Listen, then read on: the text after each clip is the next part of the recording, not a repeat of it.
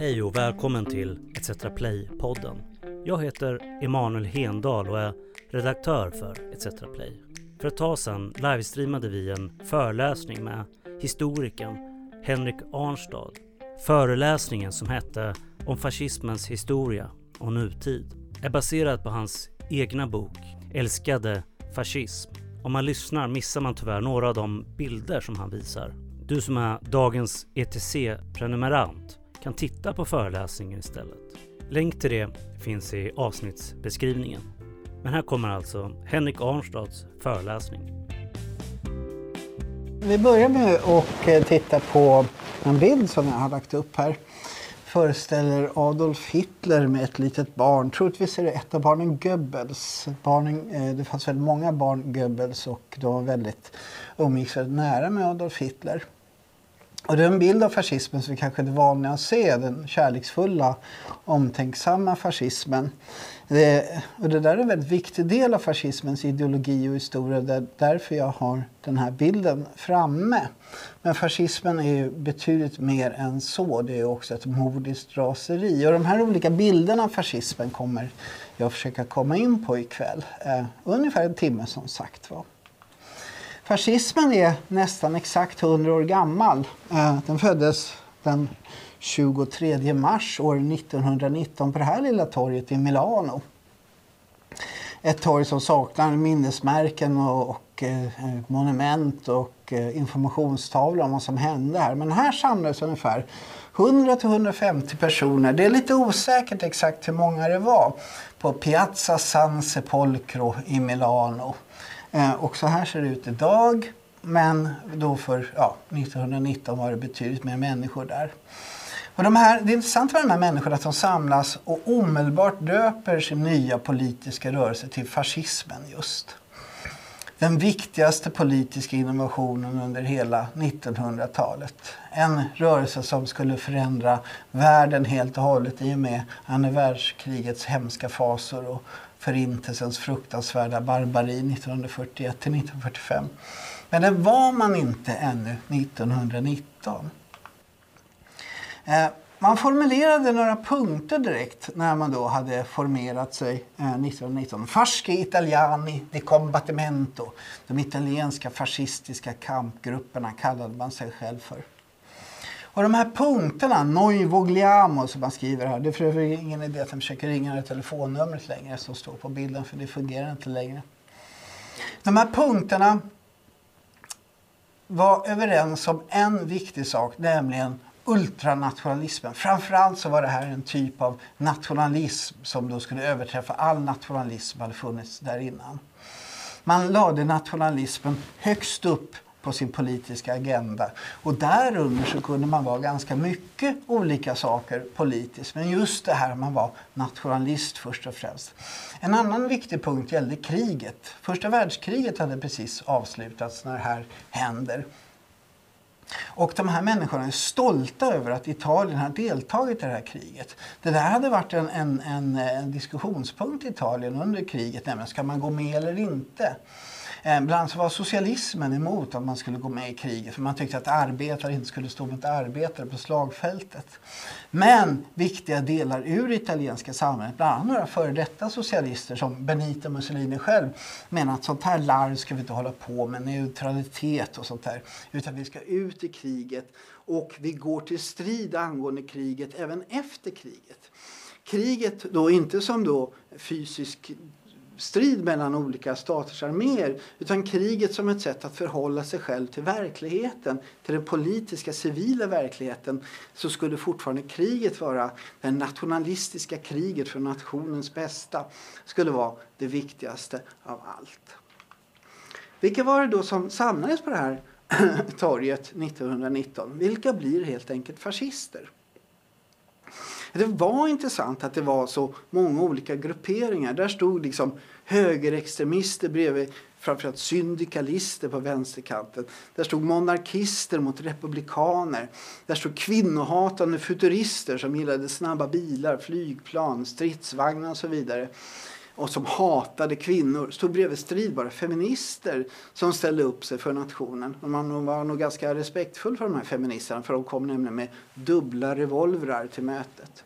Där stod helt enkelt alla möjliga grupperingar från höger till vänster och inte minst mittenpartier. Och dessa hade då övergett sina tidigare ideologier och istället då formulerat sig själva som fascister. Några saker kan dock sägas om de här. Framförallt så var det lägre medelklass. Det var alltså hantverkare, småföretagare, underofficerare, poliser, skollärare. En sorts undre medelklass som såg sig själva som nationens ryggrad. Det här var en tid då det nationella utsattes för konkurrens av det internationella nämligen. På högre ekonomiskt plan så fanns det internationella storkapitalet som tryckte ner de traditionella hantverkarna småindustrierna i sin, alltså stora företag som Fiat och Pirelli och sånt där som man då ansåg hotade den nationella industriidkaren uppifrån. Men det fanns också ett hot nerifrån. Fackföreningsrörelsen, arbetarrörelsen, eh, internationalen, den internationalistiska arbetarrörelsen som man då hotade, menade hotade den här grupperingarna nerifrån. Så från både upp och ner så kom ett hot mot den här nationalistiska rörelsen ansåg man. Och det var därför som man just då gick till strid angående nationalismen. Det var därför man blev just ultranationalistisk. Sen kan man säga att när fascism når framgång, när fascism når större, bredare grupper så sprider sig fascismen från den här lägre medelklassen framförallt ner till den övre arbetarklassen, de som har fasta jobb och fast, eh, bra levnadsförhållanden. De har någonting att förlora helt enkelt. Den delen av arbetarklassen sugs ganska fort in i fascismen när fascismen blir framgångsrik. Eh, svårare når de allra fattigaste i samhället, de som inte har så mycket att förlora, som då tyr sig gärna till andra rörelser. Men många fascister märkte sig förvåning när de drog till sig just arbetarklassen. Till exempel den ungerska fascismen, när den formeras märker ganska fort att huvuddelen av de som röstar på dem är industriarbetare i Budapest. Det här var någonting som man såg på med en viss förvåning. Sist av allt kommer överklassen in i fascismen. Storindustri och överklass. Storindustri, storkapital och överklass har nämligen en tendens att istället välja den traditionella högern att rösta på. Det är där man sätter sitt hopp. Auktoritära, konservativa och så vidare. Men riktigt framgångsrika fascismer som till exempel nazismen i Tyskland når även dessa grupperingar. En annan sån här intressant sak, intressant sak är fascismens genus. Fascismen är maskulin och hyllar maskuliniteten. Men både kvinnor och män kan ju ge uttryck för maskulinitet. Det vi ser på bilden här till exempel en squadrista hjältinna från Italien. Man såg hur delar av kvinnor också tydde sig till fascismen just ifrån ett maskulinitets ideal. För att även en kvinna, en stridbar kvinna så kunde vara maskulin, kraftfull och viril och kunna kämpa i sin identitet i nationens väl. Oftast är det dock män som ansluter sig. Eh, det här, eh, det här, är, det, det, det är typiskt för fascismen. Men det finns även kvinnliga fascister. En annan sak var ungdom man, eh, den italienska fascismen tog sig till sin kampsång Giovenessa. Giovenessa, Giovenessa. Och det här, det, det, Giovenessa betyder ungdom, ungdom, ungdom, ungdom. Men det var då inte att det måste vara ungdomar som anslöt sig till fascismen utan man menar att fascismen föryngrar. Fascismen gör människor unga igen i själ och hjärta. Det var därför man hyllade det här med ungdom. Vi är en ung rörelse, sa Mussolini. Och så rakade han av sig håret, han blev väldigt skallig. Och det här gjorde han för att det skulle inte synas att han åldrades. Det skulle inte synas att han blev gråhårig eller någonting sånt där. Det var därför han hade den här biljardbollen som, som huvud istället. Men det viktiga är att alla tidiga ideologier, från vänster till höger, kan då ansluta sig till det här fascistiska projektet när den då blir framgångsrikt. Och det där kommer vi in på någonting väldigt intressant hos fascismen. Jag ska dricka lite vatten. Någonting väldigt intressant hos fascismen. Att fascismen avfärdar höger-vänster-begreppet. Fascismen menar att det här är någonting som onda människor har hittat på för att splittra nationen. Fascismen menar att det ska inte finnas höger och vänster. Utan, eh, om vi ser till exempel Sverigedemokraterna i Sverige så pratar man om de andra partierna som sjuklöven. Det vill säga fascismer i allmänhet menar att höger och vänster, om man är en antisemitisk fascist, om man är en judehatande fascist så menar man att det här är något som judarna har hittat på för att splittra nationen. Klasskampen och så vidare. Det ska inte finnas några samhällsklasser. Alla ska samlas under nationen. Om vi, det vi ser på bilden här är den spanske falangistledaren José Primero de Rivera som, som då ledde den spanska fascismen. Och han var nationalsyndikalist kallade han sig själv för. Och han menar att de inte skulle kapitulera vare sig för eh, storkapitalet, internationella storkapitalet eller mellan bolsjevismen i Sovjetunionen eh, som man kallar för slaveriet i Ryssland. Vi, vi, ska då vara anti både vänster och vi ska vara anti både högern utan vi ska då samlas istället under fascismens ultranationalistiska fana som i det fall som man visar upp här. En sorts ultranationalismens tredje väg är fascismen bortom höger och vänster. Det vi ser på bilden här det är några svenska nazister, troligtvis är det Furugårder på 1930-talet. Och de har varit hemma i garaget och gjort en skylt som man måste läsa tre gånger innan man förstår vad det betyder egentligen. Spräng den borgerliga marxistiska klasskampsfronten. Rösta med nationalsocialisterna. Det där låter ju väldigt konstigt, men jag ska förklara det. Man ska alltså spränga det borgerliga, högern. Man ska spränga marxismen, vänstern. ska då explodera, försvinna, förintas. Och man ska spränga klasskampsfronten. Man ska upphöra att prata om klasskampsretorik. Och istället ska man prata om, ska man då främja nationalsocialismen. Men då blir vi väldigt Vadå, ska, ska man spränga marxismen och så ska man ha nationalsocialism istället? Är inte socialism, är inte det vänster? Nej, inte för en fascist. Fascismen menar man representerar den sanna socialismen innan Marx förstörde den, eh, marxismen förstörde den med klasskampsretorik. Är man antisemitisk judehatande fascist som de här nazisterna till exempel så menar att det är juden Marx som har förstört socialismen. Sann socialism är inte vänster, sann socialism är inte marxism utan sann socialism är fascismens ultranationalism, en social massrörelse som då samlar människor under nationen och ultranationalismen. Så fascismen är alltså inte vänster bara för att den ibland kallar sig för nationalsocialism och det är viktigt att komma ihåg. En annan sak som fascismen inte är så är det konservatism. Konservatismen längtar tillbaka till ett förflutet och vill återuppväcka det förflutna. Gärna med styr av traditionella samhällseliter som högadel och konungar och sånt där. Fascismen däremot drömmer om framtiden. Den konservativa drömmer om, dag, eh, drömmer om gårdagen medan fascister drömmer om framtiden. Det är det som skiljer de här ideologierna åt. Fascismen kan visserligen se tillbaka på ett gyllene förflutet men man vill inte återskapa det här gyllene förflutet utan man vill, man vill istället skapa en ny unik modernitet. Inspirerad gärna av ett gyllene förflutet. Men det är någonting nytt man vill skapa. Man vill skapa ett helt nytt samhälle som aldrig existerat förut. Det vi ser på bilden här det är EUR-området i Rom som, som muslimer skapade. En sorts utsökt eh, modernism. Fascismen är modernism. Men det är en modernism som hävdar att den nuvarande, innevarande moderniteten har degenererat. Den har utsatts för fruktansvärda övergrepp av feminister, internationalister, judar, globalister och så vidare. och så vidare. Marxister. Och det här måste då krossas, det gamla måste gå under och återupplyftas som en ny morgondag. En ultranationalistisk på av nationen som då ska föra nationen in i en gyllene ny fascistisk framtid. Ett helt nytt samhälle ska skapas. Revolutionärt. Men inte på det sättet att man då rusar in i parlamentet och gör revolution. Utan en revolution i anden och i samhällets själva existentiella grundvalar.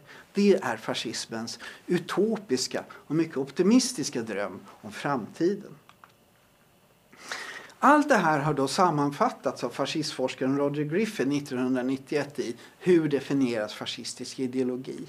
Och det här var en definition som utsattes eh, för stark kritik och diskussion i ungefär 20 år innan världens fascistforskare sa det här är nog det bästa, det är det närmaste vi kan komma en beskrivning av fascismen. Fascism är en typ av politisk ideologi vars mytiska kärna i sina olika gestaltningar, alltså massor med olika typer av rörelser, är en folklig, inte elitistisk, utan folklig ultranationalism inriktad på nationens på nyttfödelse. Det här är ju ganska teoretiskt, eller hur? Kan man förstå det här? Kan man på något sätt vi idag i vår själ och hjärta förstå vad som menar? Jo, då ska vi titta på ett filmklipp som då förklarar vad är fascismens känsla och vad är det fascismen försöker förmedla? För vad som hände efter 1919 var att det sa pang, pang, pang, pang, pang över hela världen. Från Amerika i väster till Asien i öster med Europa som någon sorts epicentrum så uppstod det hundratals fascistiska rörelser inspirerade av den italienska fascismen i, i, i Milano-regionen. Det vi ser på bilden här det är Per Engdahl i Sverige, en av den svenska fascismens ideologiska grundgestalter och mycket upphovsmannen till dagens Sverigedemokraterna. Adolf Hitler i Nazityskland, pilkorsare i Ungern, den finska fascismen är till vänster, en IKL-man. Finska lappofascismen var Nordens mest framgångsrika fascism överhuvudtaget. Kodriano i mitten där nere. Eh, som Eh, skapade den rumänska legionärsrörelsen. En, en fascist som idag är inspiration inte minst för nordiska nazistiska NMR, Nordiska motståndsrörelsen. En fascist som var så fruktansvärt antisemitisk och judehatande att Adolf Hitler kallade dem för fanatiker. Och om, Adolf Hitler, om du är så mycket judehatare och antisemit så att Hitler kallar dig för fanatisk, då är du verkligen antisemit. Och nere till höger, Juan Perón och Evita Perón i Argentina. Peronismen, en fascist som än idag har väldigt många följare och beundrare. Överallt uppstod det då de här oerhörda mängderna fascistiska rörelser över hela jordklotet. Och de var väldigt, väldigt olika. Men de hade då det gemensamma med det här med ultranationalismen och drömmen om nationens pånyttfödelse. Men för att kunna komma till makten så märkte fascisterna att de inte klarade av det ensamma. Man måste ha allierade. Och det man sökte sig då som eh, att alliera sig med var den traditionella högern, den auktoritära konservatismen. Vi ska komma ihåg att under mellankrigstiden, de flesta regimer som avskaffar demokratier i Europa, och det är väldigt många, det är inte fascistiska eh, partier eller kommunistiska partier. Utan de flesta demokratidödande det är den traditionella högern, den auktoritära konservatismen som gör statskupper i land efter land efter land. Och de är väldigt ovilliga att släppa fram de här radikala och bråkiga fascisterna. De håller dem nedtryckta. Men i två länder så lyckas fascismen komma till makten. Bägge två länderna med hjälp av den auktoritära högern. Italien 1922 och Nazityskland 1933. Och här ser vi då von Pappen som då den, den, traditionella högerledaren heter i Tyskland. Och han gör då misstaget att tro att han kan behärska nazismen, kontrollera nazismen. Eh, att, att fascismen på något sätt går att tämja helt enkelt. Men det går ju inte att tämja fascister. Det första som händer är då att fascismen tvingas att alliera sig med högern, lite grann mot sin vilja, men för att då liksom kunna nå makten. Och det andra som händer då är att fascismen normaliseras i ett samhälle. Man börjar prata om att fascisterna är så farliga kan de ändå inte vara, vi kan ändå kontrollera dem.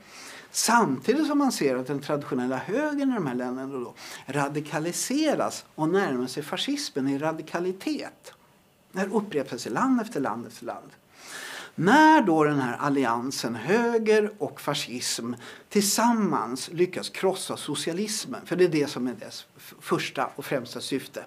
Man ska då likvidera socialismen, gärna med våld men även med andra metoder. När det här då lyckas när man då gemensamt lyckas krossa socialismen i ett land, socialdemokrati, kommunism, framförallt är man arg på socialdemokrater oftast. Då kommer nästa steg och det, det betyder lättare. Då krossar man liberalismen. Det gör man ganska fort. Men sen så kommer ganska oundvikligen den här clashen, den här striden mellan den traditionella högern och fascismen.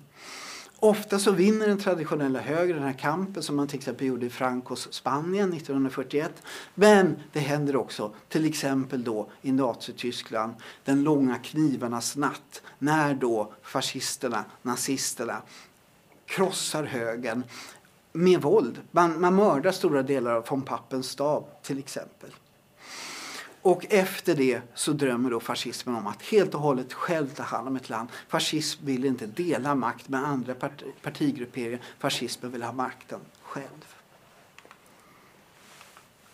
Älskade fascism kallas då min bok. Det som har hänt, hände i de här samhällena, både i det fascistiska Italien och i det nazistiska Tyskland, är att regimerna blir oerhört populära.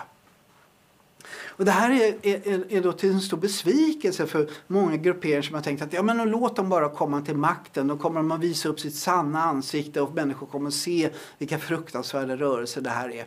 Och våldet finns ju där oundvikligen. Men de allra flesta människor slipper ju undan det här våldet.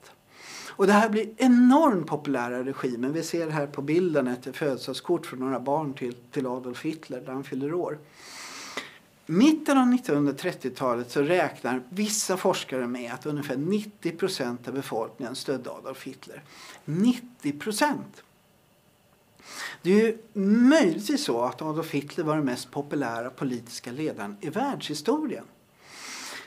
Kvinnor och barn, unga och gamla, höger och vänster, ja i den mån vänstern då lyckas eh, omförhandla sig själva in i den nya fascistiska eh, tiden alla samhällsgrupperingar, arbetare såväl som högadel och butiksägare och alla de här i mitten som vi tidigare samlade, samlas kring det här fascistiska projektet.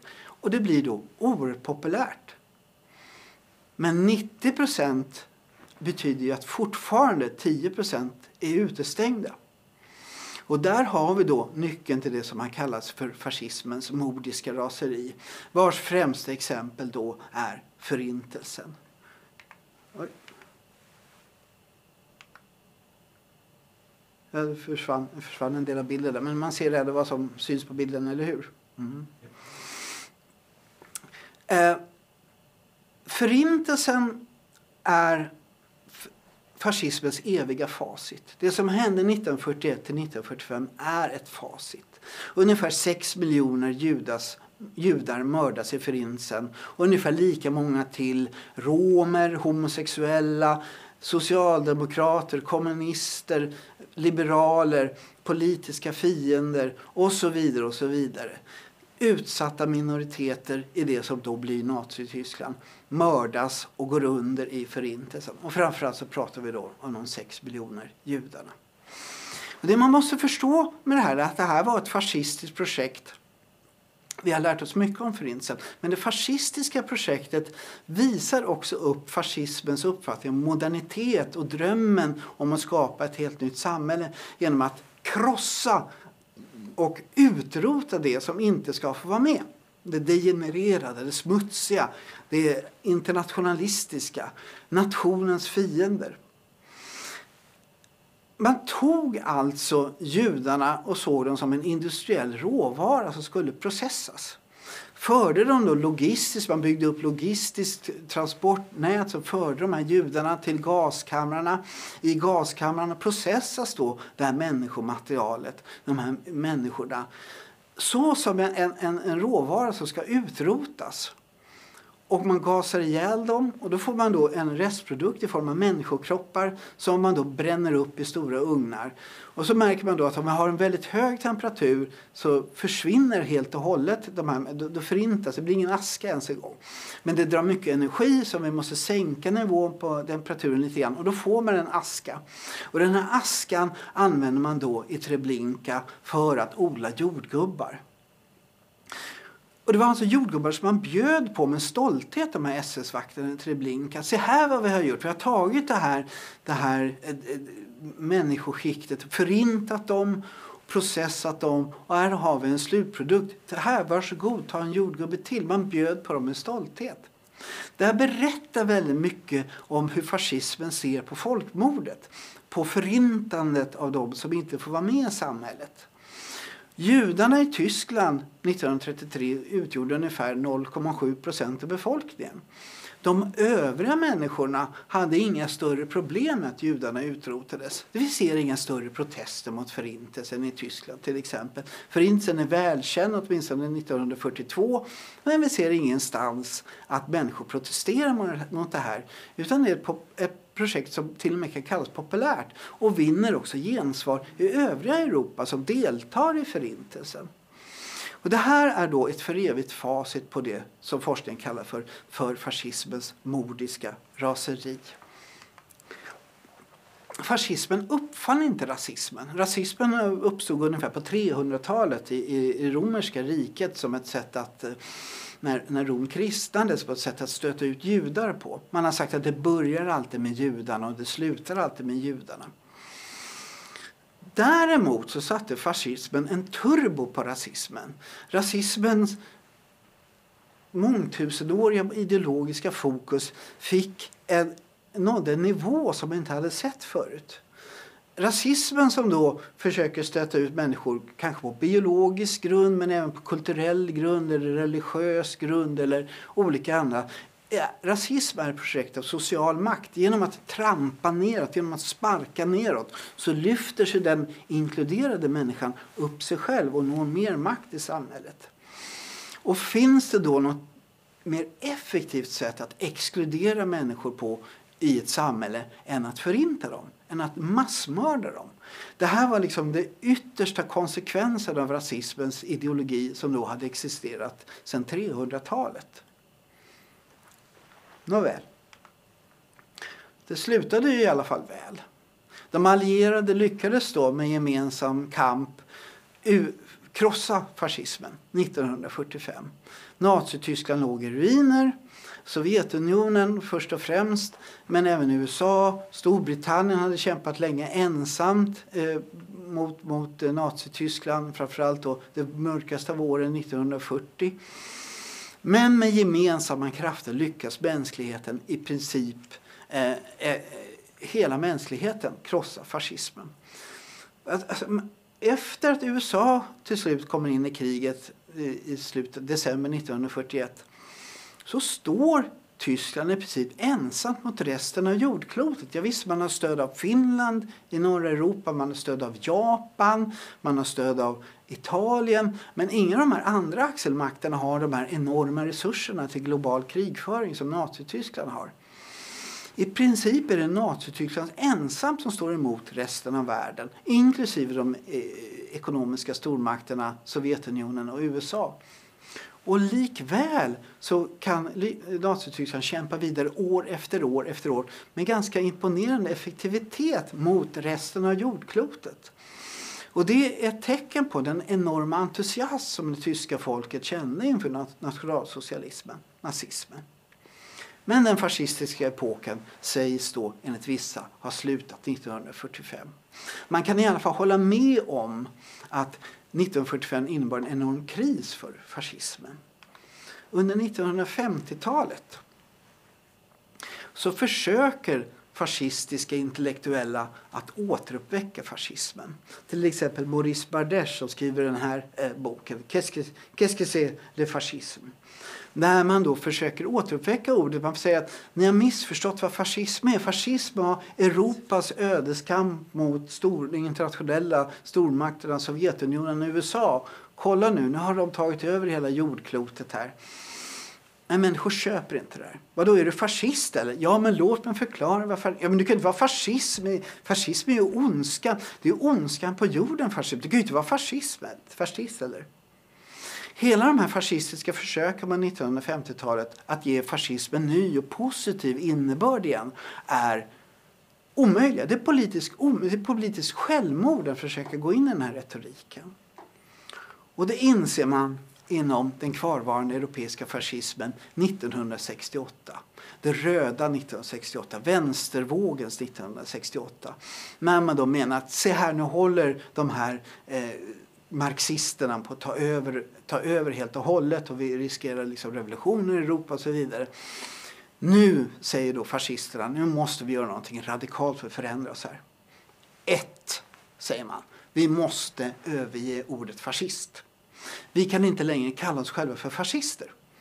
Och det här skapar enorma ilska inom fascistiska rörelser i Europa, inte minst den italienska fascismen under 1960-talet.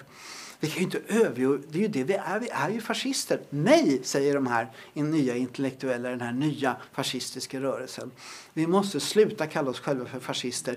Vi måste till och med aktivt dementera. Varje gång de kallar oss för fascister så måste vi säga det kan du absolut inte kalla oss för. Det är ett skällsord. Fy vad du är låg och dum som kallar oss för fascister. Vi är absolut inte fascister. Aktivt dementera att man är fascist. För det andra, man kunde inte, förr kunde man då säga vår biologiska ras är hotad av den fruktansvärda brasblandningen. Vi måste utrota de främmande raserna. Vi måste ta bort de främmande raserna ur nationens kropp. Det går inte heller att säga efter Förintelsen. Så istället så börjar man prata om kultur. Man säger att vår nationella kultur är hotad av den fruktansvärda mångkulturalismen. Vi måste kunna kritisera mångkulturalismen. Det är mångkulturalismen som hotar oss. Det är alltså synonymt med att säga att den främmande rasen hotar vår rasliga renhet här, rasrenheten här i landet. Och då byter man ut det mot att den farliga mångkulturalismen hotar vår nationella kulturella särart. Synonymt. Men det här gör ju budskapet betydligt mer aptitligt. Och, och idag så ser vi ganska många rörelser i Sverige till exempel som pratar om att mångkulturalism är ett hot mot Sverige. Som då har köpt den här fascistiska argumentationen från 1960-talet. Man skulle heller inte säga att man skulle avskaffa demokratin. Utan istället så menar man att man skulle liksom förfina och, och göra demokratin mer folklig. Man skulle liksom ha en modell där majoritetens demokrati, majoritetsväldets demokratiska ideal skulle då göra det juridiskt möjligt och samhället möjligt att trycka ner utsatta minoriteter. Nu ska vi rikta det här fruktansvärda förtrycket mot er minoriteter, er judar eller er muslimer eller vad det nu kan vara. Ni ska inte få ha några moskéer eller någonting sånt där. Vadå, har vi inte religionsfrihet här i landet? Jo, men nu är det så att vi har ett demokratiskt fattat beslut att vi inte ska få ha några moskéer i vår stad. Om ni är emot det så är ni emot demokrati. Så tänkte fascisterna 1960-talet att man skulle argumentera för sin nya samhällsmodell. Det vi ser på bilden nu är en av de ledande i den här tankeverksamheten, eh, Alain de Benoit. Det här kallas då för nyfascism eller neofascism. Och precis som 1919 så säger det pang, pang, pang, pang över hela världen. Det här blir då en enorm succé Framförallt efter år 2000. Alla de här tankebanorna dyker upp då i en mängd olika partier. Sverigedemokraterna i Sverige som, som är då grundas av gamla nazister och, och skinhead och Bevara Sverige svenskt, diverse rasister grundar den här sverigedemokratiska rörelsen. Front National i Frankrike som tar upp de här tankarna direkt ifrån Alain de Benoit. Donald Trump i USA också en ultranationalism NMR i Sverige. Den danska socialdemokratin ser vi har mycket av det här tankegodset hos sig. Och så har vi också grekiska Gyllene gryning. Men det här är ju inte fascister. Alla de här rörelserna är inte fascister. Framförallt inte till exempel danska socialdemokrater. kan man inte kalla för en fascistisk rörelse. Hur ska vi kunna liksom begripa den här vågen av ultranationalism och rasism som vi ser till exempel i Europa? Jo, Två nya ideologier, en ny ideologi och en gammal ideologi har kommit tillbaka som då existerar parallellt med fascismen. Det ena är högerpopulism och det andra är då auktoritär konservatism eller radikal konservatism. Radikal traditionell höger. De här rörelserna har påverkats djupt av neofascismen och fascistisk retorik och fascistiska argument. Men det betyder inte att de är fascism utan de är då populism och eh, en sorts radikal konservatism.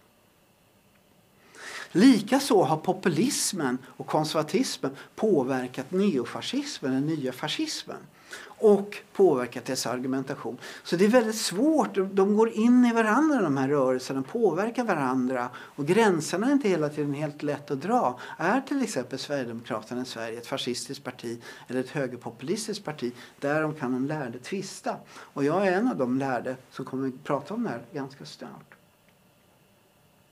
Det som dock förenar alla de här rörelserna är rasismen. Alla de här rörelserna är rasistiska. Och de når också väljargrupper som för vilka rasismen är just det viktigaste. Man har pratat med ganska mycket om vilka som röstar på de här grupperingarna. Och det som, de forskningar, den studier som finns visar att det viktigaste för de här väljargrupperna oavsett om de är arbetare eller medelklass eller överklass eller vilka man nu är i samhället är att för dem är rasismen det viktigaste. Det är rasismen de lockas av. Om det sen är högerpopulister, fascister eller eh, högerextremister, radikala konservativa spelar mindre roll för de här väljargrupperna utan det är just rasismen man, väljas, eh, man lockas av. Det behöver alltså inte vara så att bara för att man röstar på ett fascistiskt parti så måste man inte vara fascist. Däremot så är man nästan alltid rasist. Ett exempel på det här är Trump som då utsattes för en viss diskussion när han lät storma Kapitolium och eh, ja, det stora terrordådet i USA ganska nyligen. Eh, den här, den här statskuppförsöket som det har kallats för. Trump är då absolut rasist, han är högerextrem, han är antidemokrat. Men jag skulle inte kalla honom för fascist utan han ligger, ligger ganska tryggt i en traditionell amerikansk högertradition med misstro mot big government och big labour som man då kanaliserar via rasism och så vidare. Men han saknar framförallt den här drömmen om den nationella pånyttfödelsen. Den nationella, den här att det ska göras någon sorts revolutionär sak i USA som då ska pånyttföda en helt ny nation, en helt ny fascistisk drömvärld. Utan Trump, Make America Great Again, vill, han, han pratar om att det finns ett gammalt USA som han vill liksom återinföra. Ett drömt USA som kanske aldrig har funnits i verkligheten. Trump är amerikansk konservativ med allt vad det innebär. Det skiljer sig då ganska mycket från europeisk konservatism. Blandat dock med europeisk högerpopulism. Det ser man väldigt tydligt hos Trump att det är så mycket högerpopulism hos Trump. Men jag skulle inte kalla honom för fascist. Sverigedemokraterna däremot som kallar sig själva för konservativa är absolut ingen konservativ rörelse. Och det avslöjade också partiledaren eh, oavsiktligt när han besökte den konservativa studentföreningen Heimdall i Uppsala. Eh, eh, och hyllades där och han kallade sig själv för konservativ. Och så såg han när han besökte Uppsala eh, Heimdals konservativa motto där eh, som förändring är förnedring. För det är det som är konservatismens credo. Ingen förändring, så, så lite förändringar som möjligt. Saker och ting ska inte förändras. Och Jimmie Åkesson sa då till auditoriet där men jag vill förändra samhället på riktigt. Jag vill förändra precis allting. Och därmed avslöjade sig som närmast antikonservativ. Tittar man istället på Sverigedemokraterna vad de säger. Stabilitet, här är till exempel en text, en berömd text av SD. Stabilitet och gemenskap i samhället genom att förena de bästa elementen hos den traditionella vänstern och den traditionella högern. Strävan efter att ersätta klasskamp och hat med förbrödring och nationell solidaritet. Det är precis samma budskap. Det är precis samma text som de här nazisterna på 30-talet. Spräng den borgerliga marxistiska klasskampsfronten. Rösta med nationalsocialisterna. Det är en tydlig deklaration om partiets fascism. Vidare, sverigedemokratisk retorik. Folk och land hör nära samman. Ett land vore inte vad det är utan sitt folk och ett folk inte vad det är utan sitt land. För en normal människa är det bara rappakalja. Men är man, är man fascist så förstår man precis vad som åsyftas. Ein Volk, ein Reich, ein Führer. Blod und Boden, blod och jord. Den nära sammankopplingen mellan eh, politiken, folket och landet. Även som infödd svensk kan man upphöra att vara en del av den svenska nationen genom att byta lojalitet, språk, identitet eller kultur. Medborgarskapet är alltså villkorat. Det spelar ingen roll vad du viftar med för pass. Det är Sverigedemokraterna som bestämmer om du är svensk eller inte. Till exempel är du jude eller same så kan du inte vara svensk. Du får välja helt enkelt. Är du judisk så måste du avsäga din judiskhet för att få vara helt och hållet svensk, menar Sverigedemokraterna. Ein Volk, ein Reich, ein Führer. Vi går till strid angående kriget, deklarerade Mussolini. Och Sverigedemokraterna idag deklarerar den stora avgörande striden om vår civilisations, våra kulturers och våra nationers överlevnad har gått in i en ny, mer intensiv och helt avgörande fas, deklarerar eh, Sverigedemokraterna. Vi går till strid angående kriget, inklusive det mordiska raseriet när Anton Lundin Pettersson, Sverigedemokraten, gick in på en skola och högg ner folk som då hade fel hudfärg så är det här en del av Sverigedemokraternas kontinuerliga, kontinuerliga mordiska raseri. Man dödar människor helt enkelt. Läser man då vad Sverigedemokrater skriver, vad skriver Sverigedemokrater för någonting på nätet? Vi betalar gärna kulorna som kan rensa ut ohyran från vårt Sverige. Skaffa vapen, sedan utrota skadeinsekterna. Då kan vi bränna moskéerna. Särskilt islam är då hatat, muslimerna. Då kan vi bränna moskéerna under pågående mötesstund. Nu skulle vi vara några runt omkring med varsin kulspruta och rensat. När ska vi skjuta afrikaner? Jag längtar. Nackskott på hela regeringen. Mera vapen till rasrena svenskar för försvar av fosterlandet och bevara Sverige svenskt. Jag har vapen, spadar och ett jävla sug på att köra igång. Uppdrag, upprensning, peka var jag ska börja. Det här är alltså en våldskult och en ständigt pågående terrorism. Sverigedemokraterna som den mest farliga och fruktansvärda terrorrörelse som Sverige någonsin upplevt. En tredjedel av Sveriges journalister lever under hot. En tredjedel av Sveriges författare lever under hot. En tredjedel av Sveriges konstnärer. Forskare, polit, lokalpolitiker, rikspolitiker och så vidare och så vidare utsätts dagligen för den här terrorismen, den här mordhotsindustrin som Sverigedemokraterna organiserar för att krossa demokratin. Så vad kan man då göra? Vad kan demokratin göra för att stå emot de här fruktansvärda sakerna? Ja, jag har varit väldigt pessimistisk. å andra sidan så vet jag ju mycket om demokrati. Jag vet att demokratin utifrån demokratistudier visar att demokratin hela tiden måste vara stridbar. Demokratin måste Demokrati är ingen allmän låt gå-tanke. Allting är, eh, ja men då får väl du tycka om du Demokratin måste ständigt stå upp för sin egen ideologi, nämligen inkludering. Att alla människor är välkomna i ett samhälle och människor får vara olika. Människor får ha mångkultur, människor får vara av alla möjliga biologiska ursprung, nationella ursprung, etiska ursprung. Tillsammans så kan vi bygga ett bättre samhälle. Demokratin är redo, ska, får aldrig någonsin vara objektiv. Utan demokratin ska ständigt vara redo till det som idag kallas för polarisering. Nämligen när demokratin stöter på antidemokratin så måste demokratin aktivt stå upp för sina egna begrepp. Och det här såg vi i USA hända de demokratiska partierna, till exempel Sverige, försöker oftast försiktigtvis följa Sverigedemokraterna i spåren. Man förbannar migration, man förbannar flyktingmottagning, man, man vill krossa mångkultur och så vidare. Att genom de här metodikerna försöka möta fascismen vet vi fungerar inte. För då vinner bara de här idéerna mer och mer kraft och genomförs på olika sätt i samhällen. Utan istället så var det faktiskt i USA som vi fick se Joe Biden vinna ett presidentval. Inte genom att gå med på president Trumps problemformulering som då i grunden var rasistisk.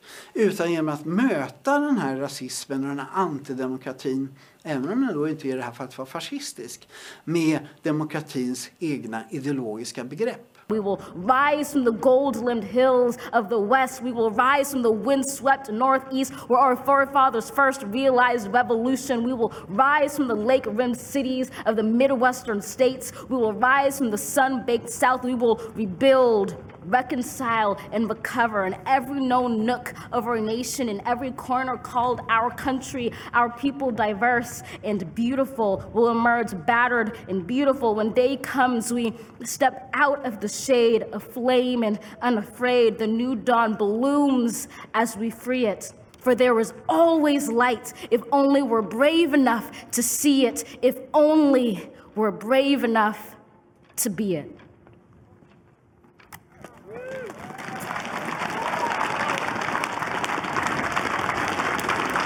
Ja, det var alltså Gormans fantastiska ord som då är ett demokratiskt ledarskap, utgör ett demokratiskt ledarskap för hela världen.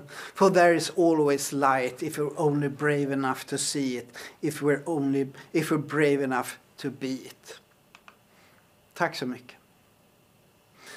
Och nu blir det informationsstund och sedan så kommer vi att ta emot frågor och som jag då i bästa fall kommer kunna besvara.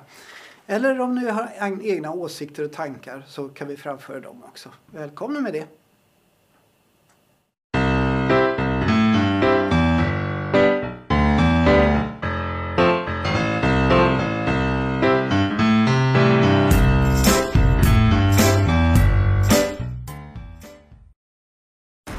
Right, nu kör vi. Nu kör vi. Hej.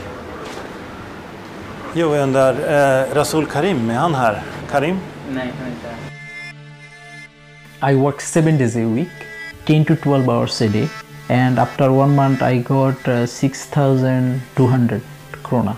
Det får inte pågå en, eh, en cynisk exploatering av människor. Det är precis vad som har hänt här på Indian Garden.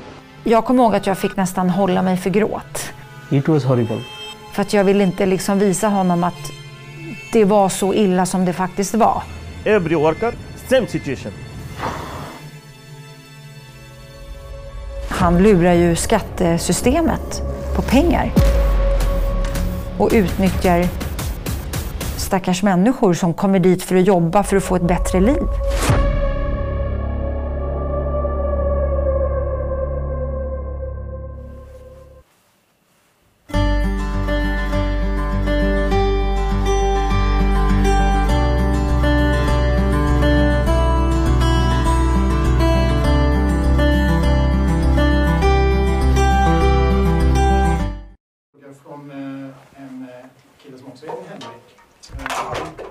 Hans eh, fråga lyder så här.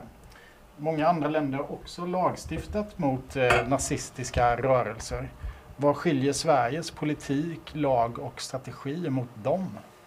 Sverige var ett land som efter 1945 genom just brist på lagstiftning och så vidare blev ett land där fascistiska rörelser kunde samlas. Den så kallade Malmörörelsen under ledning av Per Engdahl försökte att samla fascistiska internationaler. Så Sverige har av tradition varit vekt i det här eh, sammanhanget. Däremot så vet vi också av erfarenheter från till exempel Tyskland och nazistiska rörelser har varit förbjudna att det är väldigt, väldigt svårt att förbjuda de här rörelserna. Inte minst efter 1968 med neofascismens formulering att man ska förneka att man är fascist och, och istället säga att nej jag är inte alls fascist, jag är konservativ eller någonting sånt där. Och då måste man alltså i domstol försöka bevisa att det här är lögn. Och det är ju väldigt, väldigt svårt då eftersom ja, all ideologianalys är, är, är eh, ja, ett vetenskapligt diskussionsämne. Då kan man alltså ta in ideologiexperter och då säger den ena att ja, men det här är fascism och den andra säger då nej det är det inte alls och så vidare. Eh, däremot har vi lagen om hets mot folkgrupp i Sverige. Eh, man får inte hetsa mot folkgrupper och den används ju mer aktivt idag verkar det som tycker jag än vad den har gjort tidigare. Men som sagt det, det är väldigt svårt att förbjuda fascism och inte minst är det svårt att förbjuda människor att ha en åsikt. Och vi vet att fascism är en populär åsikt under rätt förutsättningar och det är jättesvårt att förhindra människor att tycka om fascism med lagstiftning. Ja. Som sagt, eh, ni som eh, lyssnar på det här, ställ gärna era frågor i kommentarsfältet här så ska Henrik försöka svara på det. Eh, vi har fått in en eh, fråga från en kille som heter Anton eh, och han undrar hur du Henrik ser på den revolutionära konservatismen i Weimarrepubliken och om du ser dem som fascister. Det finns ju de som jämför dem, skriver han, med dagens alt-right-rörelser och så. Weimarrepubliken var ju ett sammelsurium av rörelser som man kan kalla för högerextrema och fascistiska Eh, men också liksom bolsjevikiska och så vidare. och så vidare. Eh, vi ska ju komma ihåg att den tyska nazismen var ju liksom inte naturgiven att vinna den här kampen och hegemonin över de här eh, grupperingarna. Utan det fanns ju då eh, väldigt mycket konkurrenter inom, inom det här politiska spektrumet i, i Weimarrepublikens Tyskland. Och många av dem var ju då auktoritärt konservativa, alltså radikalkonservativa, ungefär som Franco i Spanien eller Pilsudski i Polen eller för den delen Mannerheim i, i Finland. Mannerheim var i och för sig Lappo-sympatisör också så att han, han, han hade inget emot fascismen som sådan. Men Ja, eller Sverige förresten, där vi hade liksom starka element inom den svenska nationella högern, eh, nuvarande Moderaterna som, som var inne på det här spåret. Vi måste krossa demokratin och ersätta den med egna positiva begrepp, sa till exempel Jan Hjalmarsson på 30-talet. Och på 50-talet sen så blev han högerledare, har jag för mig. Men det viktiga var ju just i Weimarrepublikens Tyskland är att den höga organisationsgraden inom nazismen blir det viktiga. Det är det som fäller avgörandet. Och det är likadant kan man säga att inom, i Sverige har vi haft massor med högerextrema och fascistiska grupperingar. Men det som gör att Sverigedemokraterna vann den kampen och kom in i riksdagen år 2000, det var den höga organisationsgraden. Man är väldigt duktig på att organisera människor. Och det är ofta fascistiska rörelser, rörelser bra på. Så det är det som fäller avgörandet mer än någonting annat skulle jag påstå. Mm. Ja, vi fortsätter med fler frågor från eh, publiken här. Eh, vi har fått en fråga om, eh, eh ja, en, en, fråga om medier egentligen. Eh, eh, varför får högerextremistiska och eh, fascistiska tidskrifter mångbelopp, eh, mångmiljonbelopp i bidrag i pressstöd från svenska staten? Ja, det beror på pressstödsreglerna. Vi har ju, det, det finns alltså ingen, inga, inget regelverk som aktivt går in och liksom med, med, med liksom eh, demokratibestämmelser som, som fungerar. Eh, vi har väldigt svårt i Sverige att definiera demokrati. Vad är demokrati egentligen? Även när det finns demokratikrav i sådana här regelverk så är det väldigt svårt att applicera dem. Och uppfyller man då vissa rekvisit så får man pressstöd och så ska ju liksom ett system fungera. Vi har ju också haft en tanke om att i Sverige är vi ju förskonat från sånt här. Sverige kan inte ha fascism. Liksom. Ta till exempel den här stora debatten som var för några år sedan då, Sverigedemokraterna som ett fascistiskt parti. Så kan man säga att stora delar av den, de som sa nej, Sverigedemokraterna är inget fascistiskt parti, så berodde det på att för, fascism kan ju inte vara svenskt. Fascism finns alltid någon annanstans, i andra delar av, av, av världen eller Europa eller någonting sånt där. Men det finns inte i, i den egna nationen. Så där har vi ju då delar av problematiken. Eh, men det är klart att jag skulle gärna se mycket hårdare demokratikrav för pressstöd. Men, men vi vet att det är svårt. Ja, som sagt, ställ era frågor här i eh, kommentarsfältet, ni som lyssnar. Eh, jag tänkte jag ska ställa en egen fråga också. Det är, vad tror du händer eh, efter nästa val eh, om det blir så att vi får, till, vi får en regering som Eh, på något sätt gör sig beroende av eh, Sverigedemokraternas eh, stöd? Ja, det vet vi för att Sverigedemokraterna har ju proklamerat vilket land som är föregångslandet och det är också ett land som, som stora delar av, av den normala högern hyllar, nämligen Ungern. Vi vet att man kommer införa en ungersk modell i Sverige, det vill säga att demokratin kommer att krossas ganska fort. Eh, och inte på det sättet att man inte får gå och fortsätta rösta i allmänna val och sånt där. Men vi kommer att se en oerhörd terror mot massmedier, mot universitet, mot teatrar och kulturliv, mot ja, hel, hela det offentliga samtalet. Och också där man då liksom förbjuder, eller förtrycker eller tar bort oönskade röster i offentligheten. Eh, väldigt tydligt i Ungern har hänt. Det vill säga vi kommer, kommer gå in i en postdemokratisk svensk verklighet som Eh, de som är inkluderade i den här, de journalister till exempel som kan tänka sig anpassa sig efter det här, kommer ju fortsatt ha det ganska bra. Vi vet också av erfarenheten att opponenterna, dissidenterna, är, blir ofta väldigt få och marginaliserade väldigt fort i sådana här länder. Eh, och att regimerna ofta blir ganska populära också. Människor liksom tycker att ja, ja, men det här, här är väl demokratiskt, så har vi infört det här styret. Um, demokratin fyller ju 100 år i Sverige eh, i år. Eh, 2021, 1921 till 2021. Så vi riskerar helt enkelt att få eh, en verklighet där demokratin i Sverige blev 100 år gammal och sen avskaffades den. Men det kommer inte att bli en, en nazistisk diktatur i Sverige för det kunde man införa på 30-talet. Det är inte dagens neofascister intresserade av. Dock skulle jag då snabbt vilja tillägga att Sverigedemokraterna är betydligt mer radikala än vad Fidesz är i Ungern, än vad Trump är i USA och så vidare. Så vi riskerar att få en betydligt mer radikal antidemokratisk utveckling i Sverige om Sverigedemokraterna lyckas ta kontrollen över moderater och kristdemokrater. Eh, först kommer man att krossa vänstern men sen så kommer då oundviken, om Sverigedemokraterna har den här makten, kommer de ge sig på Moderaterna och Kristdemokraterna.